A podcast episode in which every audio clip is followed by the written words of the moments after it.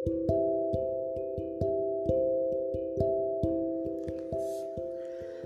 kabar sobat? Semoga dalam kondisi sehat semua ya.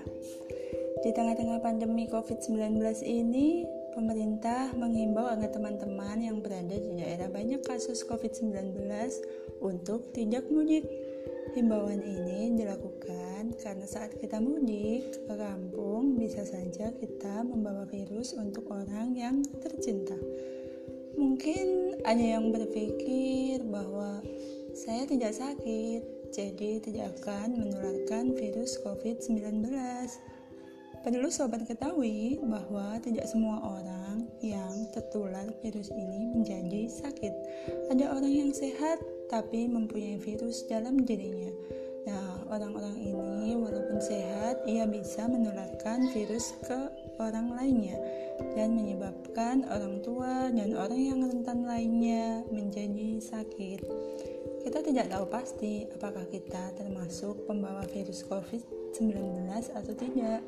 Kita juga tidak tahu saat kita di perjalanan mudik, orang-orang yang kita temui dan barang-barang umum yang kita sentuh itu bebas dari virus atau tidak.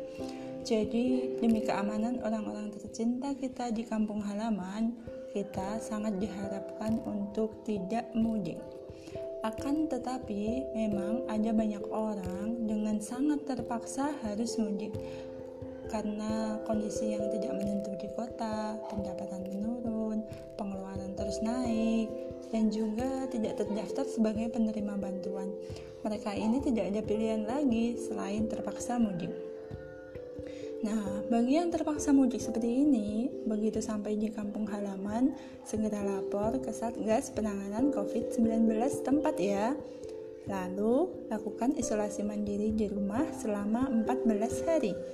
Harus mau untuk isolasi mandiri. Kita bertanggung jawab untuk mencegah penularan virus ini di kampung halaman kita.